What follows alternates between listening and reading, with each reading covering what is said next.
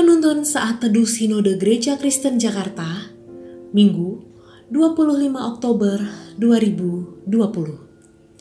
Judul Renungan, Mendapatkan Lebih Dari Yang Diharapkan. Terambil dari Nats Lukas 8 ayat 40 sampai 56. Yesus membangkitkan anak Yairus dan menyembuhkan seorang perempuan yang sakit pendarahan.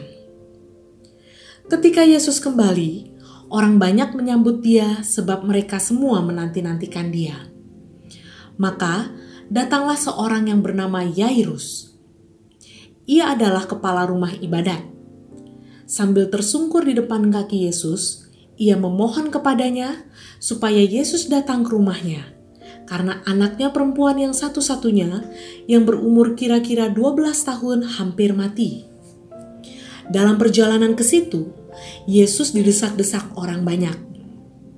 Adalah seorang perempuan yang sudah 12 tahun menderita pendarahan dan yang tidak berhasil disembuhkan oleh siapa pun.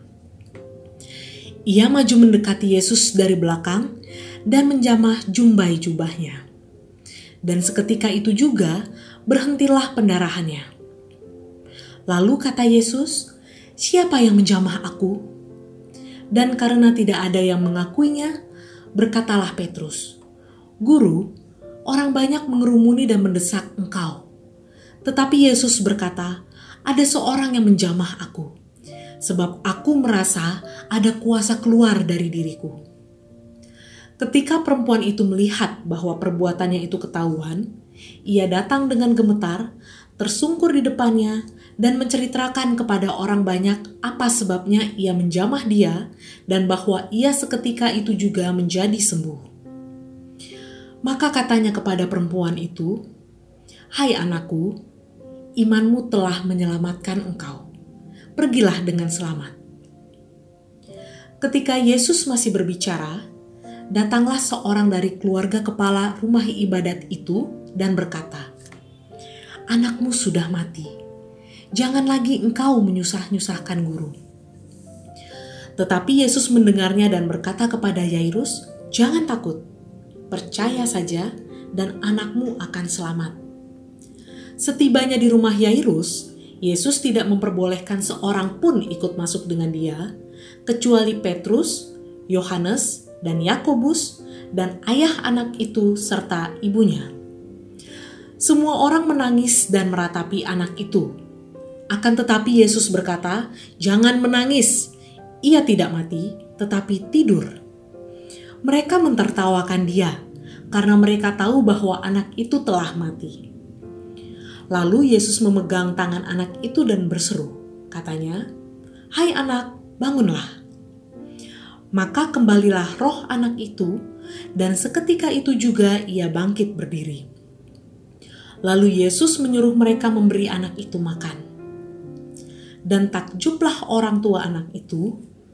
Tetapi Yesus melarang mereka memberitahukan kepada siapa pun juga apa yang terjadi itu. Apakah kekecewaan terbesar yang pernah Anda alami dalam lima tahun terakhir ini? Apa yang Anda rasakan ketika harapan tidak menjadi kenyataan? Ketika kekecewaan besar terjadi dalam hidup ini, kita bertanya, mengapa Tuhan membiarkan ini terjadi? Kala kita tidak mendapat jawaban yang dinantikan dan Tuhan seolah diam saja, masihkah kita berharap kepadanya? Yairus sangat sedih dan hampir putus asa. Satu-satunya anak perempuannya sakit dan hampir meninggal. Ia telah berusaha dengan berbagai cara agar anaknya sembuh namun semuanya tidak berhasil. Wanita yang sudah 12 tahun menderita sakit pendarahan merasa sangat lelah dan hampir kehilangan harapan. Ia telah menghabiskan banyak uang dan mendatangi banyak tabib untuk pengobatan penyakitnya, namun semuanya sia-sia. Di tengah kondisi itu, kehadiran Yesus memberi harapan baru.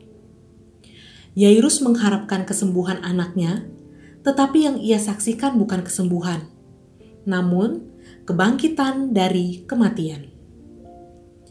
tak pernah terlintas di pikirannya bahwa ia akan menyaksikan Yesus membangkitkan anaknya yang mati. Demikian halnya dengan wanita itu, yang hanya dengan menjamah jubah Yesus, ia sembuh dalam sekejap. Dalam penderitaan yang panjang selama 12 tahun, ia tak mengharapkan kesembuhan dalam hitungan detik. Yang ia harapkan mungkin hanya kesembuhan bertahap, namun, ia mendapatkan kesembuhan total, bahkan keselamatan jiwanya. Berharaplah kepada Tuhan Yesus, betapapun beratnya kondisi yang kita alami. Meskipun kita berada dalam masa penantian yang panjang, percayalah bahwa Tuhan tidak pernah terlambat.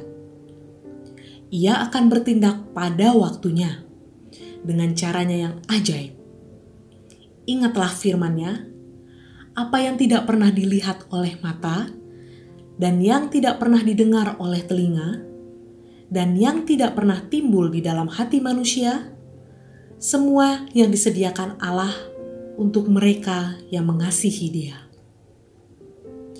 Orang yang berharap kepada Kristus akan menyaksikan karyanya yang indah.